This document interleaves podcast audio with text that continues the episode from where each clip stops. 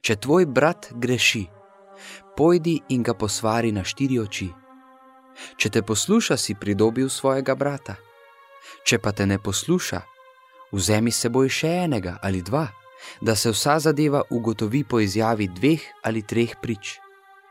Če jih ne posluša, povej cerkvi, če pa tudi cerkve ne posluša, naj ti bo kakor pogan in cestninar. Resnično povem vam, karkoli boste zavezali na zemlji, bo zavezano v nebesih, in karkoli boste razvezali na zemlji, bo razvezano v nebesih.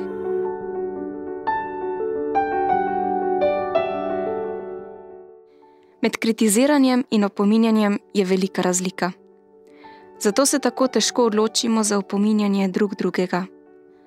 Kaj ti opomniti brata, pomeni najprej moliti za njega.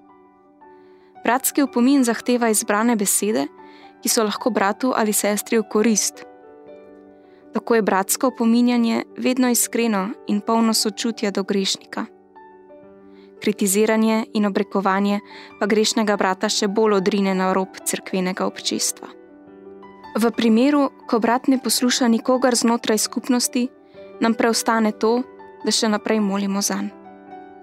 Na njem pa je, da naredi korak spreobrnenju. Kaj prevladuje v tvojem občestvu, opominjanje ali kritiziranje? Vsekakor bi se veljalo kdaj pogovarjati o tem, koliko je med vami iskrenosti, bratskega opominjanja, želje, da opogumljate drug drugega na poti vere.